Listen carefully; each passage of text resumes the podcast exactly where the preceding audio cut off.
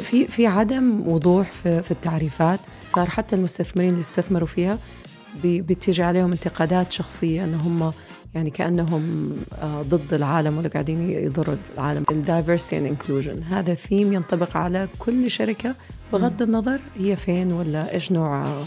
فخلينا نستثمر في الموجود ونستثمر في المستقبل كمان. ما بعرف وين بنبلش التسجيل. نحن بنبلش نسجل هلا وين ببلش على الهواء التسجيل. Okay. شيء ثاني بس هو اسم البودكاست تحت الهواء okay. عرفتي؟ ليش تحت الهواء لأنه المصطلح تحت الهواء بالعربي معناته off air آه. so يلي بينحكى تحت الهواء ما بينحكى على الهواء حكينا إنه وياكي كثير قبل هلا على الهواء بالاستوديو بصباح مع صبا أكثر من مرة وهلا نحن تحت الهواء فنقدر نحكي على راحتنا شوي أكثر آه، موضوع الاستدامة موضوع بياخذ حيز كتير كبير من تفكير كتير من المستشارين وأنا بيسعدني إنك تكوني معي انت اليوم هون هوازن نصيف مستشارة بالاستدامة وعضو بمجلس إدارة ثلاث شركات سعودية شركتين منهم مدرجين بسوق الأسهم السعودية شركة التنمية الغذائية وأيضا بابكو لصناعة الورق. والبورد الثالث اللي بتقعدي عليه هوازن هو JLL العقارية بمنطقة آه، مينا. هذا الشيء طبعا بيشرفنا كلنا ونحن كثير سعيدين وفخورين فيكي role آه، موديل لكثير من الصبايا السعوديين وإن شاء الله بنشوف أكثر وأكثر آه، من من أمثالك. وانت بتكوني شكرا صبا ويسعدني دائما أكون معك على الهواء وتحت الهواء في كل المج... المجالات. بس يشرفني دائما أتواجد معك ودائما حديثنا مشوق فأنا سعيدة جدا بوجودي هنا. يا أهلا وسهلا فيكي خلينا نحكي شوي على موضوع الاستدامة وموضوع ال ESG وبيكتر الكلام عنهم طبعا دائما. شوية آه تاريخ قصير وسريع نبذة سريعة عن تاريخ ال ESG عبر العصور إذا بدك نقول. هن بالستينات بلشت ممارسة الاستثمار بال ESG. بلش ينحكى بالمسؤولية الاجتماعية تبع الشركات وشو هذه الشركات لازم تعمل. آه، المستثمرون بوقتها بلشوا يستثنوا الاستثمار بأسهم شركات بشركات معينة أو حتى بصناعات كاملة أو حتى بدول. بلدان كاملة يلي ما كانت تلتزم بمعايير أو بمسؤولية اجتماعية معينة. يعني على سبيل المثال صناعة التبغ ما عادوا يستثمروا فيها بالستينيات لأنها كانت آه، فيها ضرر لصحة المجتمع. آه، دول بحد ذاتها مثل جنوب أفريقيا ما عادوا استثمروا فيها طبعا بسبب التمييز العنصري اللي كان آه، موجود بجنوب أفريقيا بهداك الوقت. وتم تصميم إطار عمل من وقتها لهلأ ليتم دمجه باستراتيجية المؤسسات يلي بتاخذ بعين الاعتبار فعليا الاحتياجات والطرق آه اللي بيتم من خلالها توليد قيمة لجميع أصحاب المصلحة. آه fast forward شوي تم استخدام مصطلح ESG لأول مرة سنة 2004 بتقرير للأمم المتحدة انعمل بوقت هذا التقرير كمبادرة من الأمم المتحدة للمؤسسات المالية لتلتزم بمعايير بتخليها إنها آه، كان فعلا اسمه التقرير هو cares wins يعني كان بدهم الشركات إنها تفرجي إنها مهتمة فعليا آه، بالمجتمع آه، بشكل عام. ومن خلال هذه الدعوة تم وضع هذا التقرير وتم استخدام المصطلح لأول مرة. خلال هال20 سنة من 2004 لهلأ صارت صارت هالفكرة اللي هي ال ESG تشمل 30 تريليون دولار من الأصول تحت الإدارة. وهذا الشيء طبعا رائد كبير. بس قديش صعب الالتزام بالمعايير يلي تم وضعها آه ويلي الأمم المتحدة كان ببالهم إنه لازم فعليا هي إنها تتماشى مع الاس دي جيز يلي هي الأهداف آه الأهداف الاستدامة. ما بعرف هلأ هيك كان التفكير. قديش نجح هيدا الشيء؟ قديش مش ناجح؟ نحن عم نطلع عش... بعد 20 سنة. وبعد ما في كتير هذا الوضوح. قديش صعب الالتزام بالنسبة للشركات بأنها تحقق هالمعايير هيدي؟ وقديش صعب بالنسبة لمديري الاستثمار فعليا أنهم يستثنوا شركات ممكن على حساب طبعا البرفورمانس تبعهم أو أدائهم. بالنسبة لي أنا أصعب شيء ممكن بتواجهه الشركات أو بيواجهوه المستشارين آه، في المجال هو هو كيف تعرفي آه، uh, انت you mentioned who cares wins. mm. how do you care? هو هذا آه. السؤال. حلو. يعني what does it mean to care أصلا؟ فتعريف هذا الشيء وإيش حدوده وهل هذا كفاية أو مو كفاية؟ يعني ممكن انت تيجي تقولي أنا كشركة بعمل مثلا ريسايكلينج للمياه أو للمخلفات أو كذا. بس يجيكي شخص يقول لك لا انت آه، بتمارسي الغسيل الأخضر لأنك ما بتسوي كفاية. مم. بس انت في نظرك بتسوي كفاية وبتسوي اللي تقدري عليه. ف في في عدم وضوح في, في التعريفات وفي ناس آه، ما هم مكتفين بال يعني how far companies are going. وفي ناس بيقول لك لا أنا ما أقدر أختار المعايير هذه فوق الأداء المالي. يعني أنا لازم آه، بدايه الأداء المالي للشركة هو اللي يكون هو محط اهتمامي. لأنه هذه مسؤوليه مدير الاستثمارات أصلا. صح. ومسؤوليه الشركات هي تجاه share آه، holders حاملي الأسهم. هن دخلوا بالاستثمار أو دخلوا شركاء بهي الشركة لأنه بدهم ياخذوا منها مردود. وبالتالي مسؤولية المدير الشركة هو إنه يحقق هذا المردود لمساهمينه. صحيح. ويمكن هذا هو كان من أكبر انتقادات بالنسبة لمديرين الأصول في أمريكا. آه نشوف مثلا في الفترة الأخيرة بلاك آه روك مثلا م. انتقدت كثير لأنه اتهموها أنه هي بتفضل الاعتبارات البيئية والاجتماعية على المردود آه للمستثمرين. وطبعا هم رفضوا هذا الشيء و, و وفي يعني نقاش طويل الآن بيدور على هل أن مديرين الأصول مسؤوليتهم الأساسية المردود للمستثمرين ولا بس هي أنا في نظري أو لأني بشوف كيف الأمور بتتطور عبر السنين كان في دعم مرة قوي لعدم الاستثمار في أشياء مثل الطاقة مثلا الأويل جاس وكثير أشياء من الصناعات الأساسية اللي هي مهمة ل industries كثير في الولايات المتحدة وحول العالم. صار في مقاطعة من المستثمرين لها وصار حتى المستثمرين اللي استثمروا فيها بتيجي عليهم انتقادات شخصية انه هم يعني كأنهم آه، ضد العالم ولا قاعدين يضروا العالم. بس أنا في رأيي هذه التوجهات كانت extreme آه، زي التوجهات اللي على ال extreme الثاني اللي هو يعني ما هي كذا أو كذا. يعني في في طريق في النص ممكن نلجأ إليه. وأنا في رأيي إنه مهم إنه المستثمرين يكون عندهم نظرة شمولية آه، للاستثمارات حقتهم من ناحية إن هم يقوموا بتقييم المخاطر والفرص والمردود اللي تتعرض له استثماراتهم من خلال المخاطر البيئية والاجتماعية وغيرها من الحوكمة السيئة على سبيل المثال. يعني إذا كان عندنا علاقات سيئة ما بين الموظفين إذا كان عندنا آه، تفرقة سواء عنصرية أو يعني عرقية أو ما إلى ذلك في الشركة. هذه كلها ممكن ترجع بالضرر على الشركة أو لو كان مثلا ما في أي اعتبار للتغير المناخ آه، كمثال. فلازم مديرين الأصول يأخذوا بعين الاعتبار. هذه المخاطر اللي هي في القرن الواحد وعشرين صارت مهمة زيها زي المخاطر المالية لأنها في الأخير إذا ما اهتموا فيها وفعلا آه، زي ما يقولوا طاحت الفاس في الرأس حتترجم إلى آه، مخاطر مالية. ما في شك.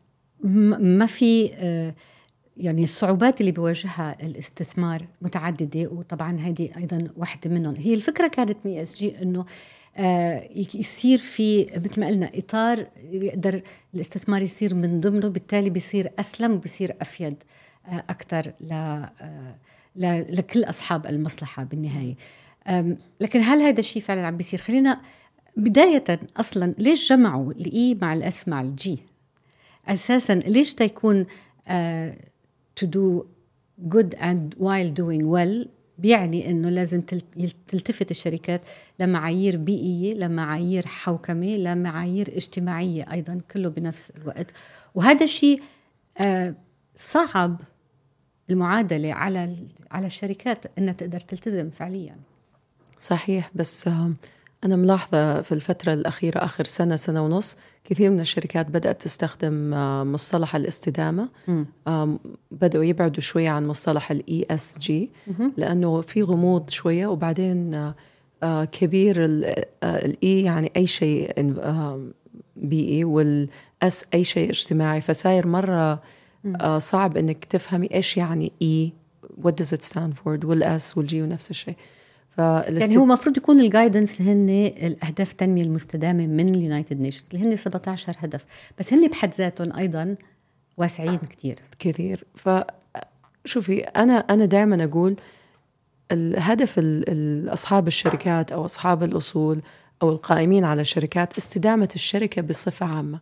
يعني تبغي الشركة تظل شركة رابحة وشركة موجودة لسنين طويلة شركة يعني healthy قادرة إنها تكون موجودة لسنين عديدة. فكيف إيش المخاطر اللي تواجه الشركة؟ من ال E من ال S من المخاطر المالية مخاطر الحوكمه كل هذه مفروض أصحاب الشركات أو القائمين عليها ينظروا لها بنظرة إنهم هم يخففوا وطأة هذه المخاطر على الشركة.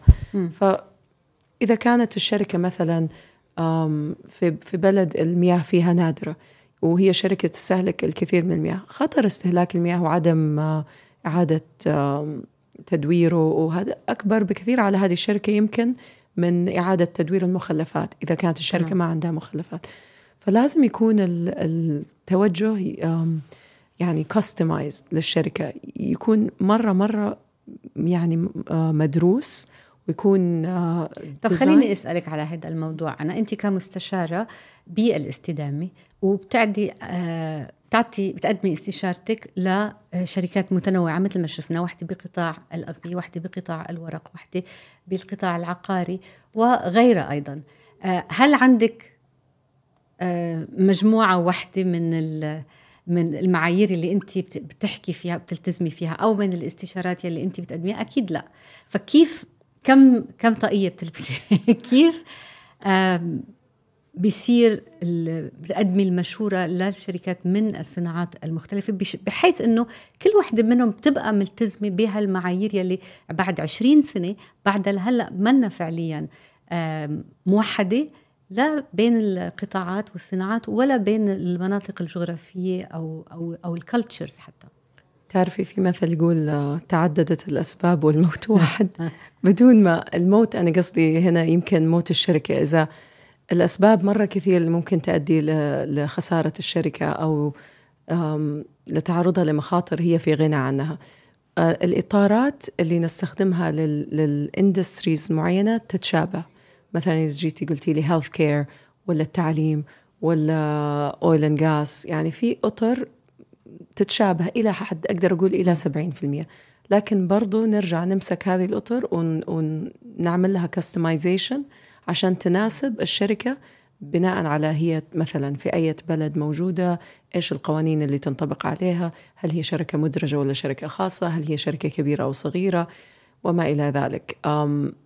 أقدر أقول لك إنه في themes معينة هذه على كل الشركات. مثلا ال diversity and inclusion هذا ثيم ينطبق على كل شركة بغض النظر هي فين ولا إيش نوع بس هذا نعم. نفسه كان في عليه كثير علامات استفهام بسبب لأنه هذا آه، بيطال موضوع الثقافة تبع مجتمعات مختلفة يعني صحيح. ثقافات مختلفة لمجتمعات مختلفة صحيح. ما بتقدر تلتزم بموضوع diversity and inclusion ولا أنا غلطانة لا صحيح نفس آه. الشيء مثل بعضهم يعني هو as broad theme ينطبق على الكل. بس بعدين ترجعي تمسكي الشركة وتشوفي هي فين م. وإيش ال limitations اللي عندها كشركة وإيش ال industry نفسه. يعني لو جيتي مثلا تبغي تزيدي عدد السيدات في شركة في mining طيب أو cement company يمكن أصعب من لو رحتي على البنوك فرضا.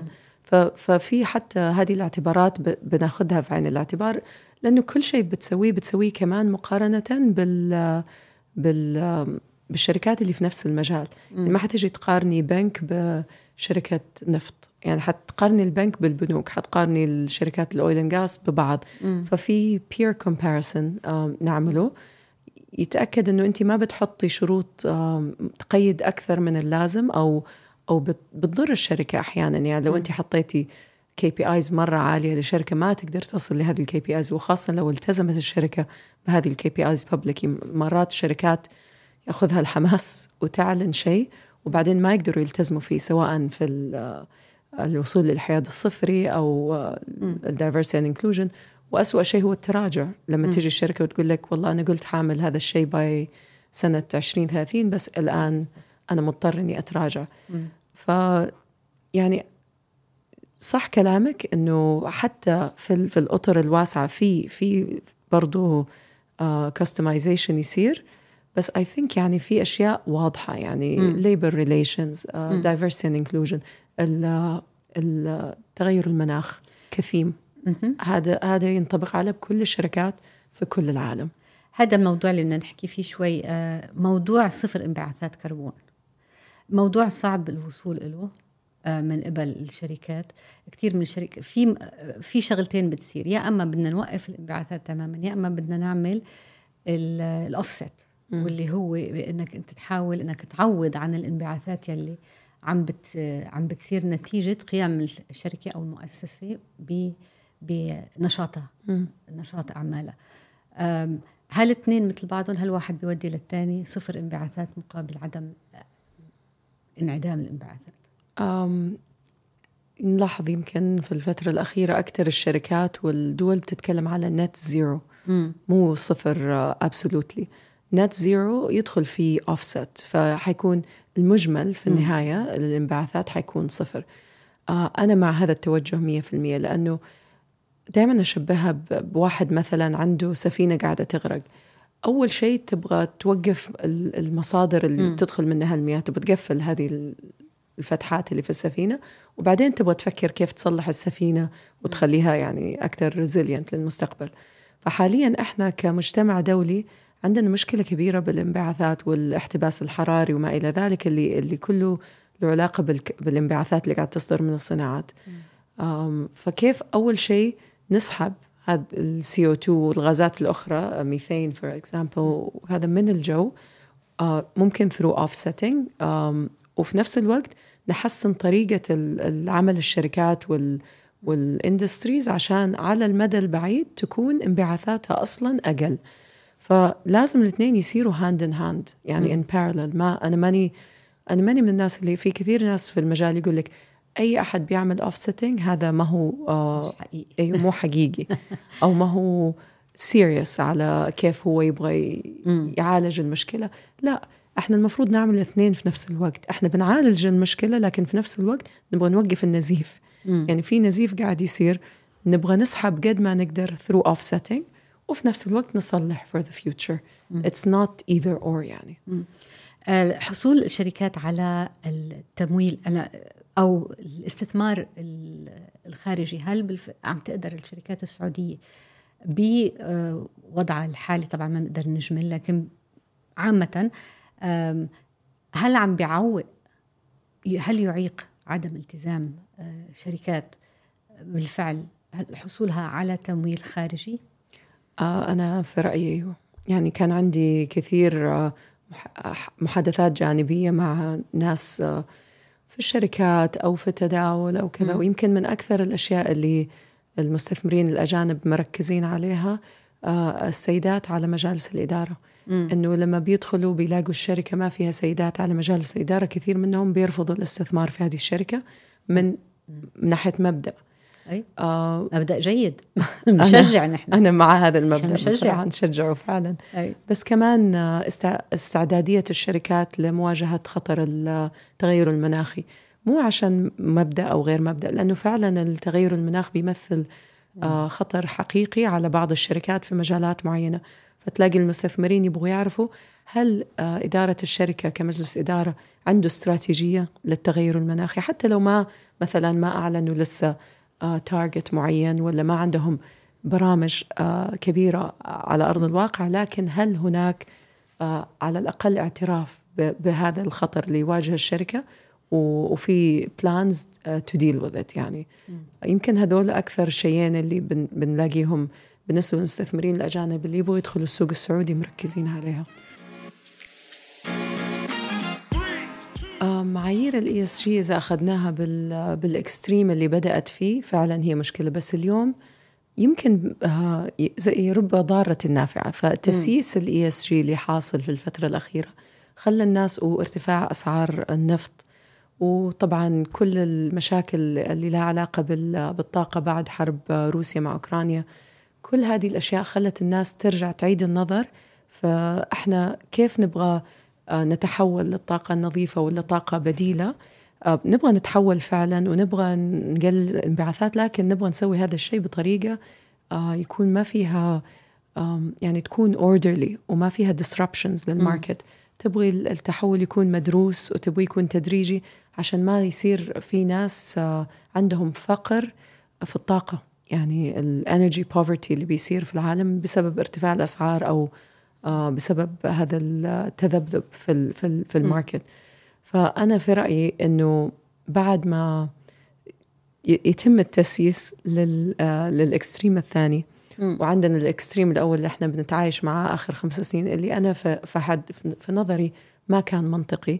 حنلاقي إنه العالم حيتجه لمكان في النص يعني حيصير في اعتدال أو توازن في, في للمعايير ولل حتى ال expectations لل ESG من الشركات ومن ال investors ومن ال industries المختلفة م. يعني يمكن من أكثر الأشياء اللي أنا أشوفها positive في الفترة الأخيرة إنه صار في تقبل نوعا ما إنه آه، قطاع النفط لازم يكون موجود لسنين م. كثيرة لكن لازم آه، استثمار أكثر في قطاع النفط آه، عشان يكون إنتاج النفط إنتاج مستدام م.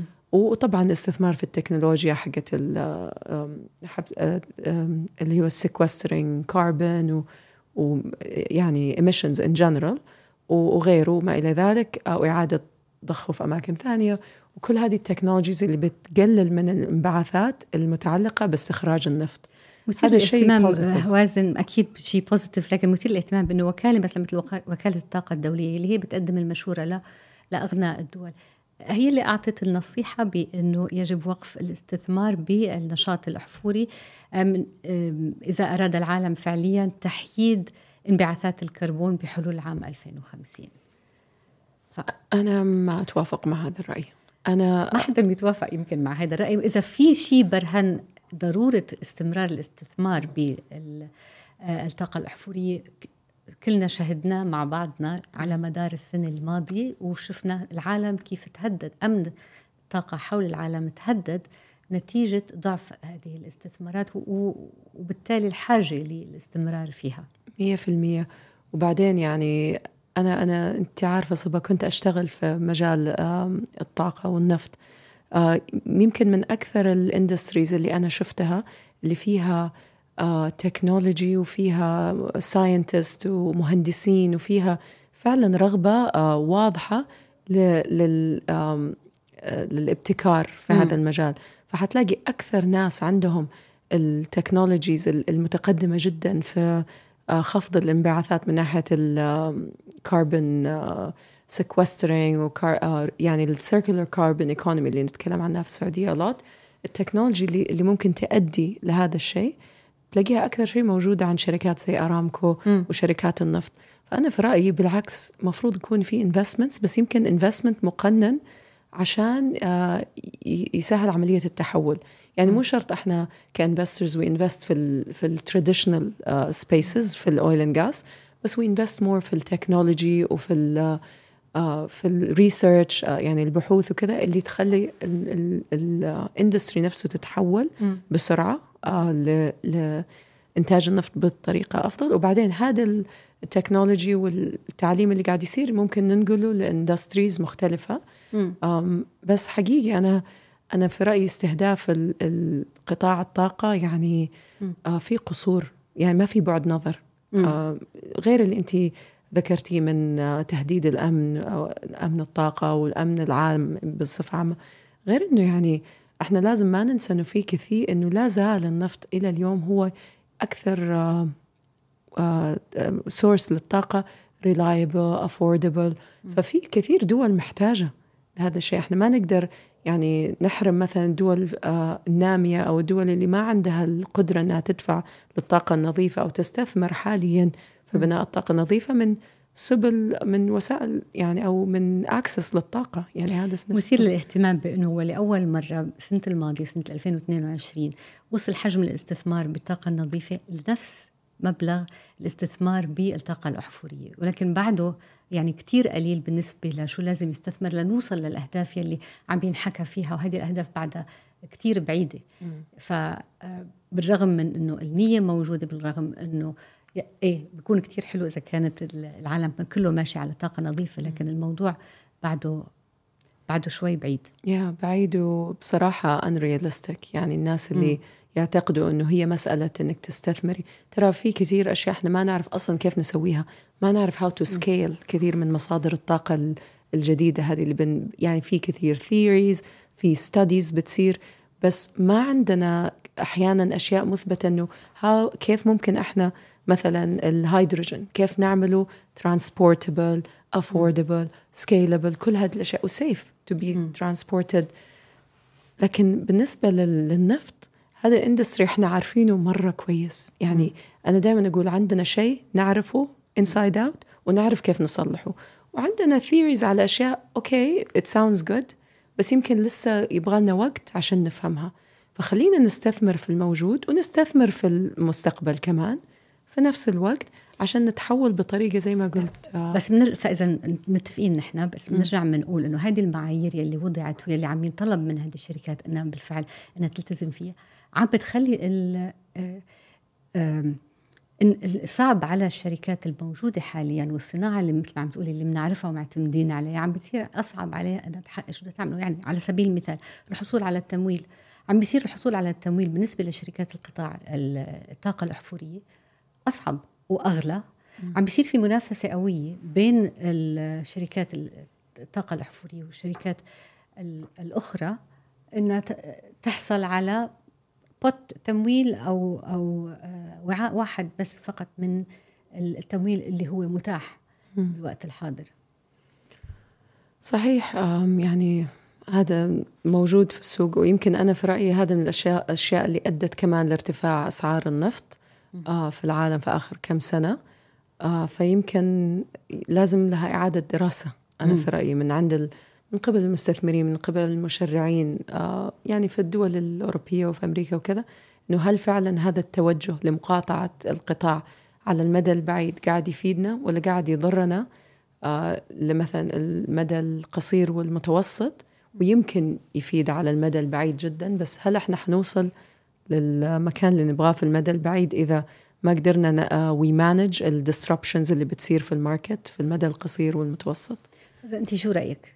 ك concept كمبدأ ESG أو حتى إذا مثل ما انت قلتي إذا اختفت ESG وحل محلها sustainable وهذا هذا يمكن شيء من طبيعة الأمور يعني. مثل ما قلنا بلشنا بالأول كنا نحكي للشركات كان اسمها CSR وبعدين صرنا نحكي ب ESG وهلأ عم نشوف إنه يمكن هذه الخلطة ما بين E و S و G منا كتير ظابطة. فإذا خلينا نحكي بس بال sustainability كمبدأ هل في استمرارية لهذا الشيء؟ أنا اللي أبغى أشوفه إنه ال sustainability أو ال practices اللي عندنا في ال sustainability اللي هي ال best practices تصير من الأشياء اليومية الطبيعية حقت الشركات. ما يصير يعني شيء كان هو منفصل. يعني يصير أنت لما تتكلم عن كيف أي شركة المفروض آه، تكون في أي دولة في الدنيا طبيعي إنه يكون في equality طبيعي إنه يكون في مراعاة للأثر البيئي أو على لأعمال الشركة. طبيعي إنه يكون مثلا في حوكمة ممتازة. ما يعني تكون second nature للشركات. إذا وصلنا لهذه المرحلة ما حنحتاج أي اسم لا لل sustainability ولا ESG ولا أي شيء. وهذا يمكن أنا هذا أتمنى إنه في العشرة إلى 15 سنة الجاية حيصير هذا ال norm هذا الطبيعي إنه هلأ بكل شيء في ideals بكل شيء في الصورة الكاملة ال perfection وهذا الشيء اللي طبعا دائما آه، بنطمح له. بس ما دائما في ناس بتوصل أو بتقرب وفي ناس آه، ما بتقدر توصل ما بتقدر تقرب. مين الحكم الآن على الشركات اللي أنت إذا عم بتقولي لي إنه ideally آه، أو الصورة اللي هي المثلى هو إنه كل الشركات تكون تعتمد هالمعايير ال sustainability بحيث إنها تكون تشتغل بشكل صح تشتغل بشكل في خير لها ولمساهميها وللمجتمع وما إلى ذلك. مين الحكم؟ والله الحكم هو مين اللي قاعد يحط pressure على الشركة أم آه، أصلا عشان تهتم بال ESG هل هم المشرعين؟ هل هم العملاء؟ هل هم المستثمرين؟ هل هل هو مثلا في حالات معينة السوق نفسه إذا هي شركة مدرجة ولا شركة؟ ف يعني أنا دائما لما لما يجوني شركات يقولوا لي ساعدينا آه نبغى نعمل ESG strategy نبغى نشوف كيف أقول لهم أول شيء قولوا لي ليش؟ ليش تبغوا تسووا هذا الشيء؟ هل عليكم ضغوط من القانون أو عليكم ضغوط من المستثمرين أو من العملاء أو أو أو؟ فلازم نفهم من فين جاي ال pressure لأنه ال pressure على شركات معينة أو industries معينة حسب هي فين جغرافيا حسب طبيعة الشركة يختلف.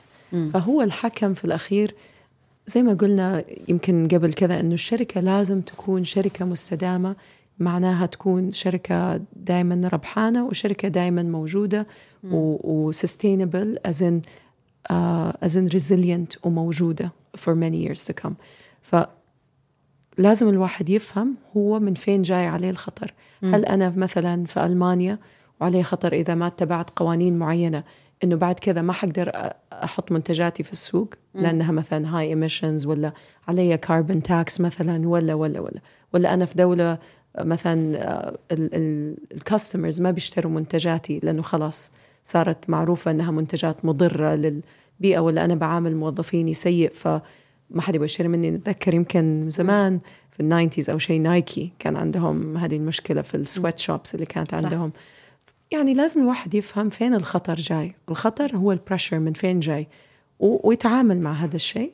وفي الأخير الحكم الشركات اللي حتقدر تستمر تكون موجودة وسستينبل for many years to come.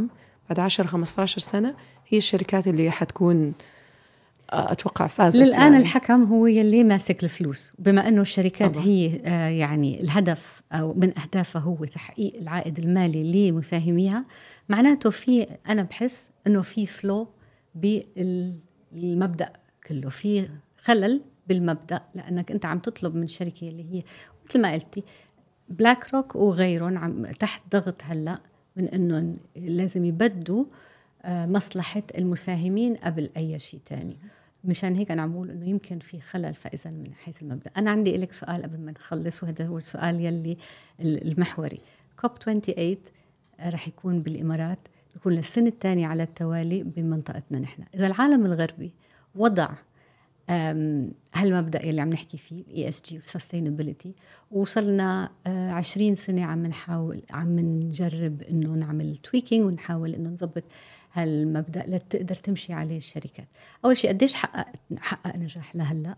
وهل يا ترى نحن كمنطقة وكايضا منتجين أساسيين لل للطاقة ومنأمن أمن الطاقة للعالم آه شو هي فرصتنا الآن بأنه نضع إطار جديد للاستدامة تقدر تشتغل آه من ضمنه الشركات ويؤدي الأهداف يلي مرجوة لاطار ال ESG يمكن من أكثر الأشياء ال interesting اللي شفتها this year في الإمارات إنه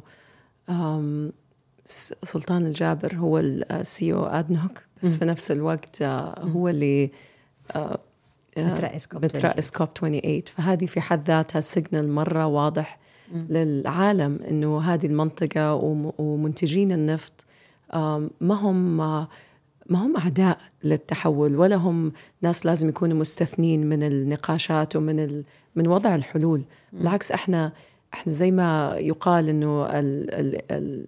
النفط هو هو جزء من المشكلة إحنا جزء من الحل كمان. فلازم يكون في يعني inclusion يعني inclusion في, في كل شيء في في النقاشات في الحلول. لازم ال ال كل ال players يكون عندهم a seat on the table. عشان. نقدر كمجتمع دولي نوصل لحل. وأنا أنا شخصيا جدا سعيدة إنه هذه ثاني سنة يكون في المنطقة بعد مصر طبعا الحين الإمارات. و وتشوفي يعني أصلا أثر هذا الشيء على على العالم على الشركات في المنطقة. يعني كمية الحراك اللي ساير في الشركات يبغوا يفهموا كيف ممكن هم يكونوا يعني متوافقين مع التوجهات العالمية وكيف ممكن يبدأوا يحطوا استراتيجيات معينة لشركاتهم. جدا جدا يعني مبشر بالخير. ف وأنا شخصيا لأني صار لي سنين في هذا المجال فأنا سعيدة إنه أصلا النقاش ساير على مستوى الدول. يعني فين زمان كنا ما كنا نسمع حتى عن كوب اللي قبل اللي من عشر سنين ولا كذا. آخر كم سنة كوب 26 27 28 في تغطية وفي حماس وفي حراك قاعد يصير. في المنطقة وخارج المنطقة. بس يعني يمكن هذه السنة من أكثر السنوات اللي حتكون آه، يعني مهم تواجدنا فيها. نحن كمنطقة وكمنتجين وكأصحاب مصلحة كبيرة بموضوع الاستدامة آه شو ممكن نقدم؟ شو ممكن نضع على طاولة كوب 28 للاجتماع اللي جاي لل 29 اللي ممكن إنه يدفع أكثر أنا ما أعرف إيش الإمارات آه، أجندتها بس ما أنا عم بحكي كمنطقة. كمنطقة. يمكن آه، يعني إننا نجيب ال conversations حقت الجهة الأخرى. إحنا كنا ك كقطاع نفط ترى مستثنين من كل الحوارات في في الماضي. ما كنا حتى نقدر ندخل على هذه الاجتماعات. فالآن كون CEO ADNOC يترأس ال COP 28 أنا أنا أتمنى أو أتوقع إنه حيكون في حوار حقيقي عن دور آه، قطاع النفط في التحول وكيف ممكن إحنا نعمل شراكة ما بين جميع القطاعات وجميع المشرعين وحول العالم من منتجين لمستهلكين ل... يمكن ناس ما لهم دخل في الموضوع إلى حد ما. عشان ما نقدر وهذا الشيء صار واضح للجميع في آخر كم سنة ما نقدر نستثني قطاع النفط والغاز من الحل. ما نقدر. لأنه حيؤدي لكثير من ال disruptions في ال market. فأنا هذا الشيء يمكن أكثر شيء متحمسه أشوف إيش اللي حيطلع من COP 28 آه وأتمنى كل خير لل... يعني هذا اللي صار اللي كان صار اللي هو ال demonization. أيوه. إذا بدك شيطنه القطاع آه أثبت الآن بعتقد أنا إنه أثبت فعليا آه العكس. صح. أثبت ضرورة مثل ما قلتي حضور القطاع على الطاولة اللي هو مش هو بس آه هو جزء من الحل وليس هو المشكلة. فعلا. المشكلة هي بالتغاضي عن لأنه هو الحل من من إمتى؟ من سنين وسنين. صح. ليش يتغير صح هوازن شكرا كثير لك. شكرا لك. دائما يشرفني وجودي معك. يا أهلا وسهلا فيك. كل وقت